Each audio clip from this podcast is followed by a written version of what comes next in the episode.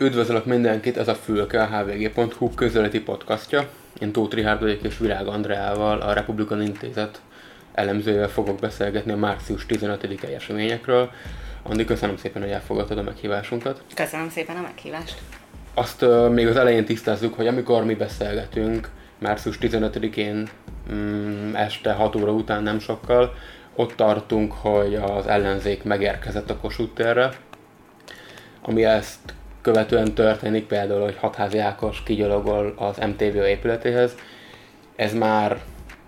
ha lehet így mondani, és mivel a HVG-nél dolgozom, ezért mindenképpen lehet labzártánk után történik, de megemlítjük majd ezt is, hogy mi értelme van az MTV-hoz gyalogolni. De kezdjük Orbán Viktor beszédével, amit még 15-én délelőtt mondott a múzeumkertnél. Hosszú évek óta az egyik legunalmasabb és leglaposabb beszéd volt ez. Jól érzem el.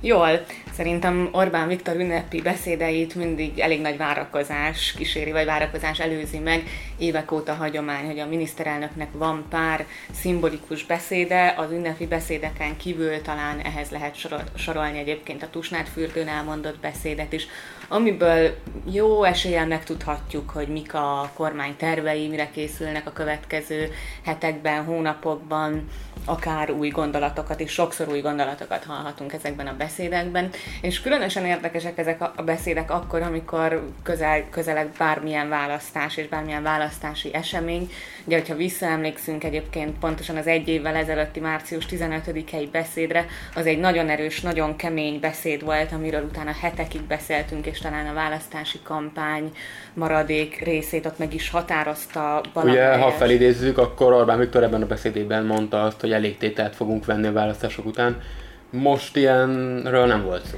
Hát pontosan, tehát ahhoz képest, hogy eddig miket hallhattunk ezekben a beszédekben, igazából amikor én hallgattam ezt a beszédet, akkor úgy végig vártam, vártam, hogy majd előbb-utóbb elkezdődik az a része ennek a beszédnek, amire igazán emlékezni fogunk, és amiről igazán beszélni fogunk, és ez a rész ez idén elmaradt. Semmilyen,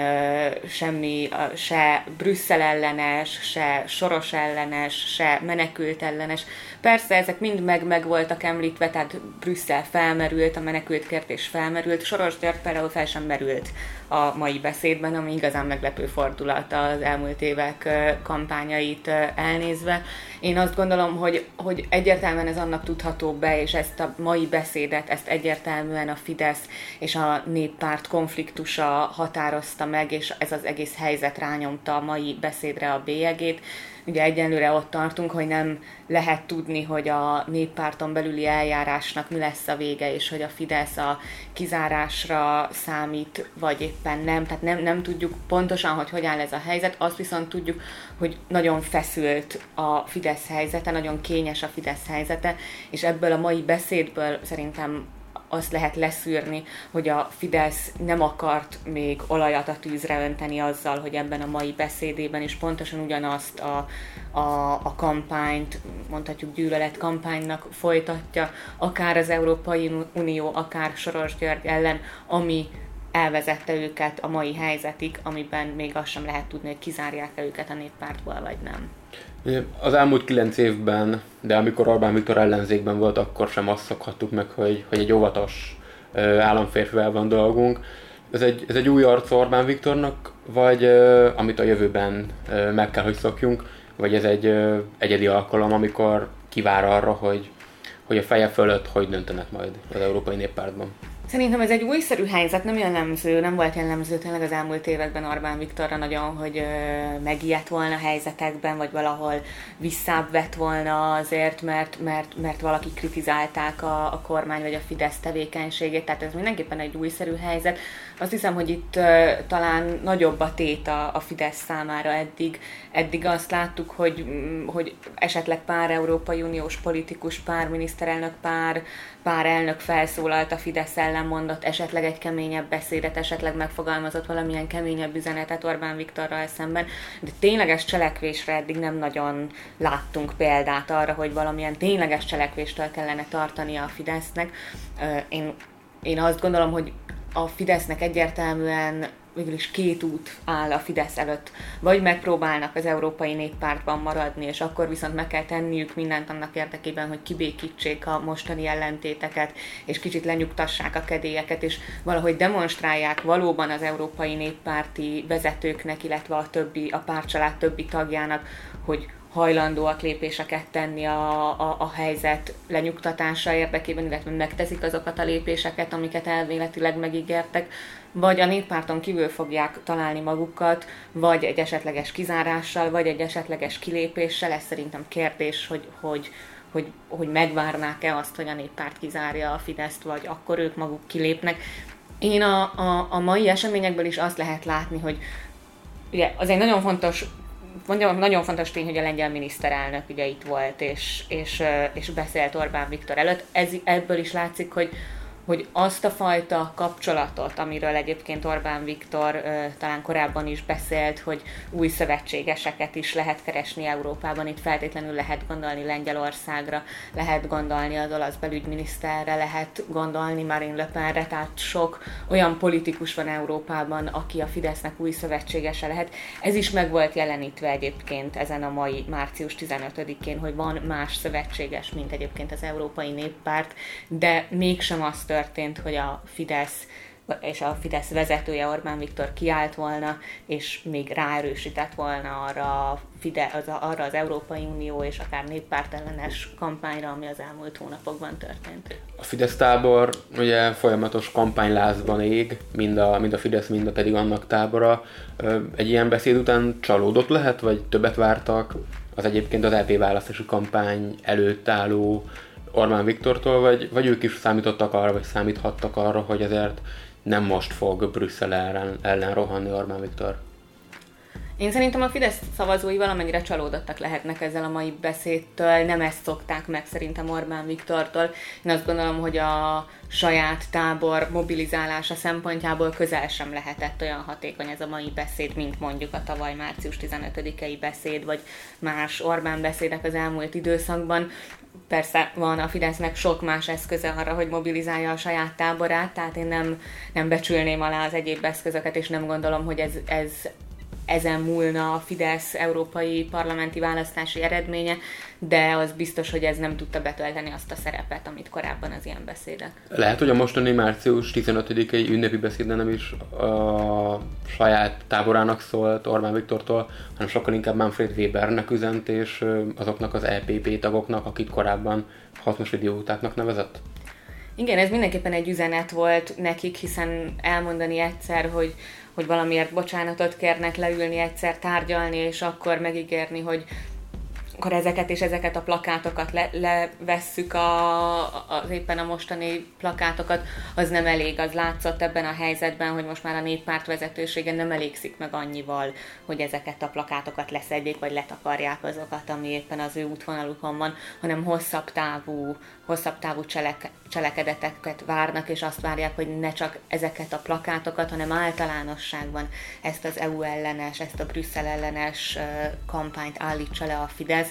hogyha ma mondott volna Orbán Viktor egy olyan beszédet, amilyet talán sokan várhattunk Orbán Viktortól mondjuk még két-három héttel ezelőtt, amíg ez az egész konfliktus nem pattant ki ennyire,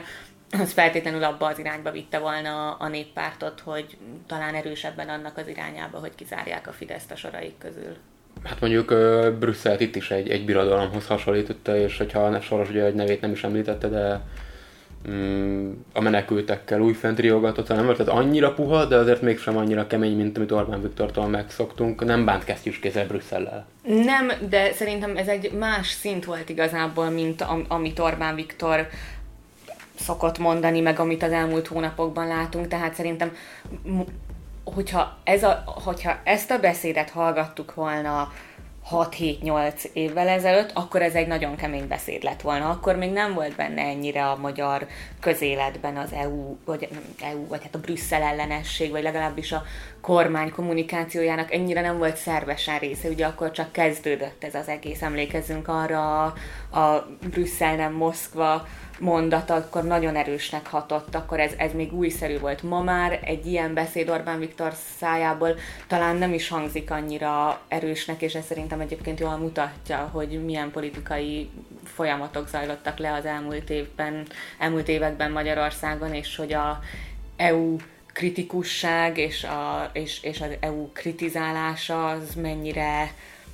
most már egy normális elemnek mondható, és nem, nem, nem látjuk nagyon erősnek, amíg, amíg nem arról beszél a miniszterelnök, hogy Soros György bábjai vannak Brüsszelben. Um, lehet ez a mostani beszéd annak a jele, hogy Orbán Viktor és a Fidesz az Európai Néppárt tagja akar maradni? Igen, én azt gondolom, hogy azért az elmúlt napok, hetek eseményeiből azt láthatjuk, hogy megpróbálnak az Európai Néppártban maradni. Szerintem a, a stabilitás a Fidesz számára egy fontos érték, egy font, fontos szempont, csak úgy, ahogy a szavazóik számára, ugye ezt mm, talán pontosan a Fidesz építette fel azzal, hogy a kormány stabilitása mennyire fontos, a szereplők, a politikai szereplők stabilitása az egy érték számukra, akkor annak is értéknek kell lennie, hogy a Fidesznek stabil helye legyen az Európai Néppártban, ami továbbra is az Európai Unió legnagyobb párcsaládja és a legnagyobb ereje, tehát azt szerintem mindenképpen előny Orbán Viktor számára, hogyha ebben a párcsaládban tudnak maradni. Én azt gondolom, hogy biztosan néznek más lehetőség után, és én nem gondolom, hogy ne lenne más lehetősége a Fidesznek, de akár kilépnek a néppártból, akár kizárják őket a néppártból, az mindenképpen káros a Fidesz számára belpolitikailag, és ezt szerintem az európai parlamenti választások előtt nem szeretnék megkockáztatni. Jó, hogy mondod, hogy az EP választások előtt, mert azért felvetődik ez a ez a, ez a fajta furcsa házasság esetében, hogy, hogy kinek fontosabb a másik. A, ha Manfred Weber mm, bizottsági elnök akar lenni, akkor szüksége van a, a Fideszes LP e képviselőkre is. Orbán Viktor pedig nem győzi azt hangsúlyozni, hogy ők a néppárt legsikeresebb tagjai. Ez egy, mint hogyha egy kölcsönös együttműködés lenne, ami mind a két fél esetében előnyökkel és hátrányokkal is jár lehet azt kijelenteni, hogy melyiknek van a másikra nagyobb szüksége? Én azt gondolom, hogy talán a, pontosan a belpolitika miatt egyelőre nagyobb szüksége lehet a Fidesznek a néppártra, mint fordítva. A néppárt szempontjából szerintem ez egy nagyon bonyolult és nagyon összetett kérdés, aminek olyan sok tényezője van, amit talán egy külön műsor lehetne, lehetne áttekinteni. Az addig nyilvánvaló, hogy a néppártnak valószínűleg kell a Fidesz 10, 11, 12, 13 akárhány európai parlamenti helye, és az az európai néppártot erősíti. Látjuk azt, hogy az európai néppárt mindenfajta előrejelzés szerint egyébként csökkenni fog, tehát arányaiban kevesebben lesznek a következő európai parlamentben, mint amennyire, amennyien most vannak. Így fokozottan fontos számukra, hogy a Fidesz helyei megmaradjanak és a néppárthoz tartozzanak. Ugyanakkor azt sem szabad elfelejteni, amilyen fajta nyomást helyez rájuk az, hogy nem lépnek fel a Fidesz ellen, és hogy nem csak a, nem csak a pártvezetők részéről, mert az egy dolog, hogy a pártvezetők kritizálják a néppárt vezetését, de a néppárti pártoknak a szavazói részéről is érkezik egy nyomás, tehát tehát van egy olyan fajta hátulütője ennek, hogyha pedig nem lépnek fel a Fidesz ellen, akkor más országokban, akár más Nyugat-Európában, Észak-Európában a néppárti pártok szavazatokat, és ezáltal a néppárt képviselői helyeket veszíthet, hogyha nem lépnek fel a Fidesz ellen. És még egy utolsó gondolat, hogy nem beszélve arról, hogy, hogy ami az elmúlt hetekben zajlott, az jól mutatja, hogy, hogy ez az egész helyzet pedig nagyon jó lehetőséget ad a többi európai párcsaládnak, akár az SND-nek, akár a Zöldeknek, akár az Aldénak, hogy keményen kritizálják az európai néppártot. Ugye Nyugat-Európában, hogyha nyugat-európai sajtót, vagy nyugat-európai politikusokat, politikai elemzőket olvasunk és hallgatunk, akkor egyre inkább, hogyha Orbán Viktor neve szóba kerül, és a Fidesz szóba kerül, akkor az autokratikus rezsim és az autokratikus berendezkedés szinonimája már akár Orbán Viktor, akár a magyar kormány. Az EP választások után megváltozhat a viszonya, hogyha addig nem zárják ki a néppártból a Fideszt, és azok után előfordulhat az, hogy megpróbálnak idézőjelesen véve megtisztulni, és, és akkor rendezni ezt a kérdést. Hogyha már előtte nem. Mert hogy megbeszéltük, hogy hogy szavazatok, és Én azt gondolom, hogy ez nagyon attól függ, hogy milyen lesz az európai parlamenti választások eredménye, szóval nagyon, nagyon függ ez az egész történet attól, hogy a Fidesznek végül egyébként hány parlamenti helye lesz, hogy egyébként a néppártnak más országokból együttesen hány helye lesz én úgy látom, hogy most a néppárt talán jobban nyomást tud gyakorolni a Fideszre, mint ezt korábban tette, és én azt is gondolom, hogy egyébként ez szándék kérdése főleg, tehát most jobban megvan a szándék, hiszen egy olyan politikai helyzet van, ahol visszaüthet rájuk, hogyha, hogyha a Fidesz nem kritizálják elég élesen, kérdéses nekem, hogy, hogy a LP választások után az új LP, új bizottság, az új struktúra felállításakor mennyire ezzel lesznek elfoglalva egyébként, hogy mi történik a, a fidesz és mi nem. Én azt gondolom, hogy rövid távon mindenképpen mm, tudnak hatással lenni a Fideszre, és ezt a mai nap is jól illusztrálta, hogy, hogy vannak helyzetek, amikor, amikor Orbán Viktor is egy kicsit hátrébb, hátrébb lép és, és visszább vesz a, a, arra én azért, hogy a kormány politikáját gyökeresen megváltoztassák, és olyan törvényeket, amiket eddig is sokan kritizáltak, ők visszavonjanak, átírjanak, erre én azért olyan óriási esélyt nem látok. Térjünk át az ellenzékre, mert nem csak Orbán Viktor és a Fidesz és a lengyelek ünnepelték március 15-ét, hanem, hanem az ellenzék is méghozzá egy közös színpadon. De akkor rögtön ellent is mondok önmagamnak, mert attól hát azzal együtt, hogy közös színpadra állt megint a DK-tól a Jobbikig mindenki, ezért külön is ünnepeltek ezek a pártok, a Momentum piknikezett, a, az LMP Puzsi Robert együtt tartott egy, egy menetet, ez a sétáló Budapestnek az egyik ö, nulladik állomása is lehetett, és azért volt külön DK-s megemlékezés is. Ö, ez a tipikus se veled, se nélküled állapot? Igen, én azt gondolom, hogy ez pontosan jól szimbolizálja azt az állapotot, amiben most az ellenzék van. Együtt is vannak, de külön is vannak, az EP választáson külön listákon indulnak, az önkormányzati választásokon legalábbis a szándék megvan, valószínűleg a pártok részéről, hogy, hogy együttműködjenek, pontosan ugyanezt láttuk ma is, mindenki csinált valamit külön is, és csináltak valamit együtt is. Ez a elég skizofrén állapotot idézhet elő a, a szavazókban, hogy hogy most akkor az epi választáson mindenki szavazon arra a, arra a pártra, vagy arra, a listára, ugye tisztán listás választási rendszerről beszélünk majd májusban, akire szeretne, aztán egy fél évre rá meg átkalibrálni ezeket a szavazókat, vagy a gondolkodást. Tudják követni a választók azt, hogy most éppen mit vár el tőlük a pártjuk, vagy a teljesen más helyzettel állunk szemben, és a választók már sokkal inkább ö, okosabbak, mint a, mint, a, mint a pártjaik. Hát én azt gondolom, hogy a választóknak ki kellett okosodniuk ezért az elmúlt években, mert sosem voltak túl könnyű helyzet elé állítva, akár tényleg a 18-as országgyűlési választásokra is elég visszagondolni, amikor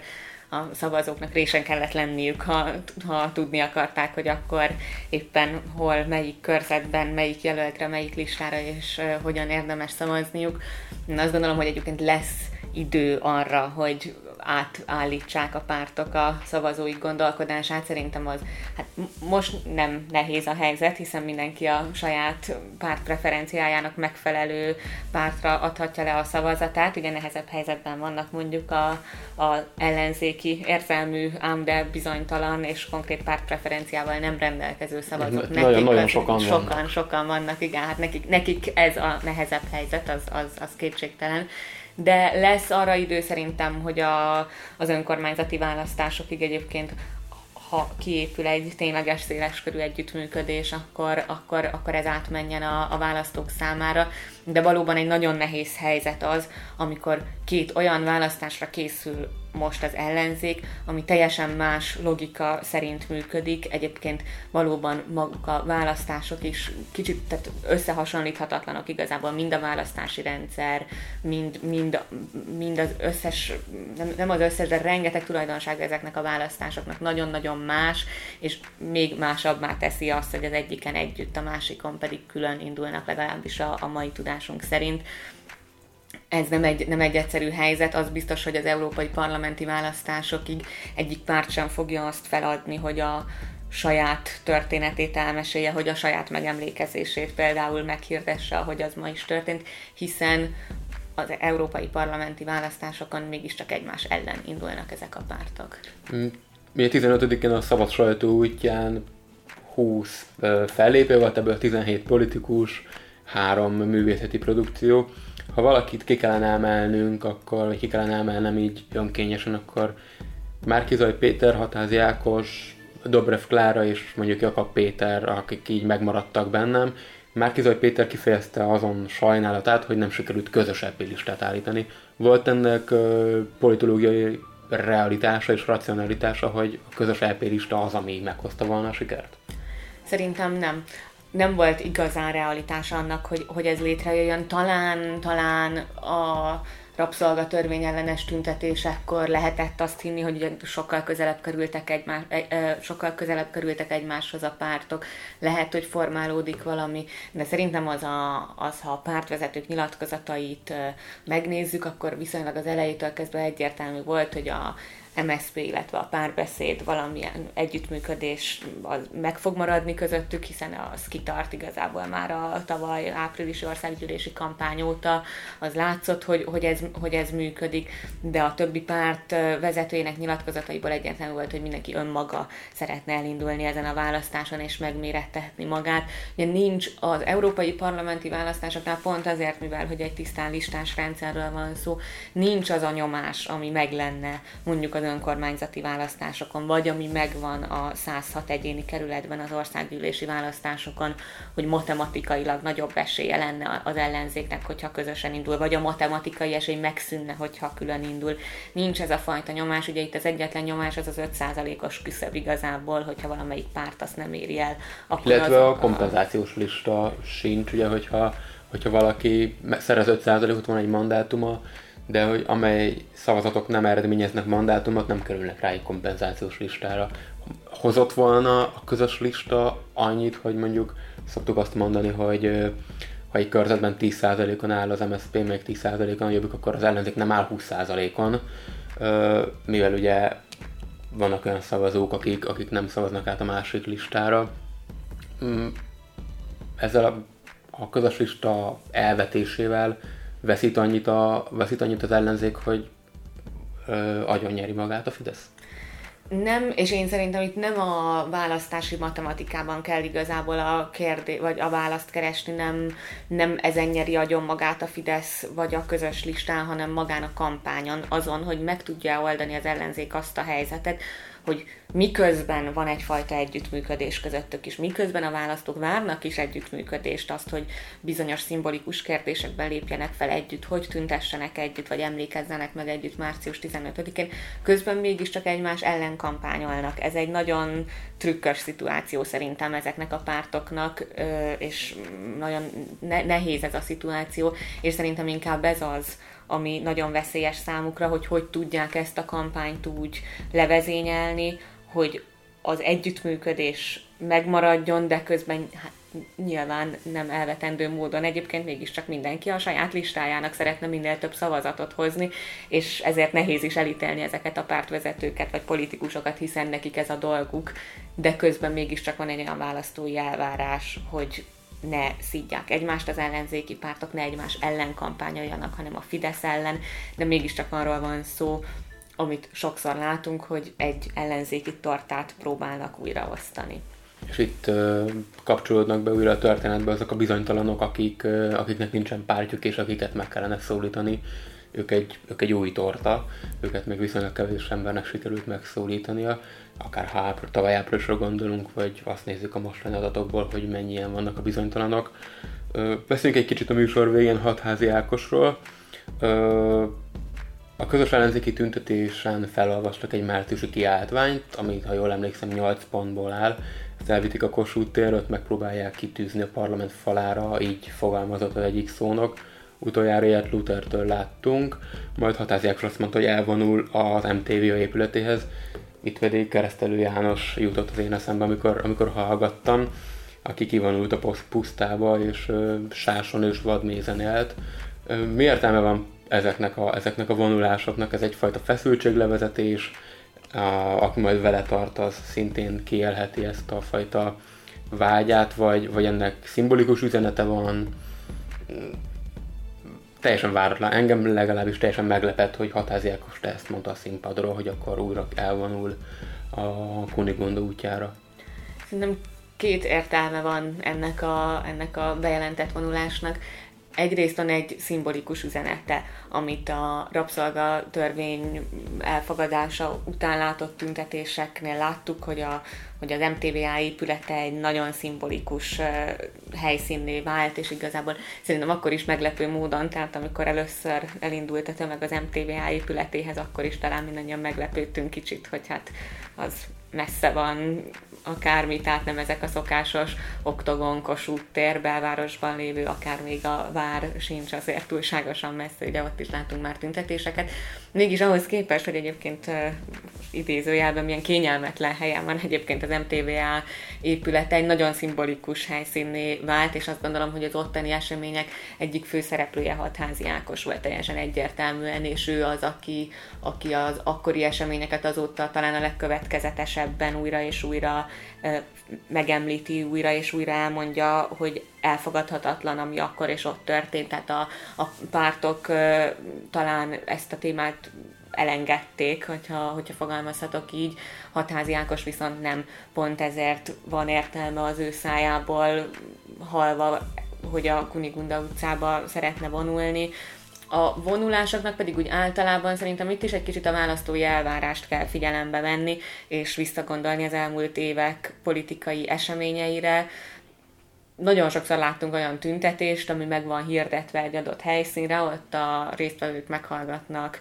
X beszédet, majd utána meg van hirdetve, hogy akkor A pontból B-be vonulnak. Ez valahogy annyira szervesen szerintem a magyar ellenzéki tüntetések eszközévé vált, hogy tulajdonképpen már meglepő egy olyan tüntetés, amikor csak az történik, hogy valahova oda megyünk, meghallgatjuk a beszédeket, hazamegyünk. Ilyen tulajdonképpen most már nem történik,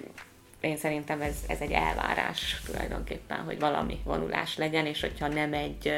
egy a szervezők által közösen kihirdetett valami van, akkor az egyik politikus vállalja magára, hogy ő valahova vonul. Hogy a politikusok mennyire feleltek meg ezeknek a választói elvárásoknak, az ki fog derülni akkor, amikor mi adásba kerülünk. Virág Andrának köszönöm szépen a Republikon Intézet elemzőjével beszéltük át a március 15-i eseményeket. A hallgatóinkat pedig arra kérem, hogy az ilyen és ehhez hasonló beszélgetések miatt is, ha tehetik, akkor támogassák a HVG-t, vegyék meg a hetilapot, vagy legyenek a HVG pártoló tagjai, minden kapcsolódó információt megtalálnak a hvg.hu-n. Köszönöm szépen még egyszer! Köszönöm szépen!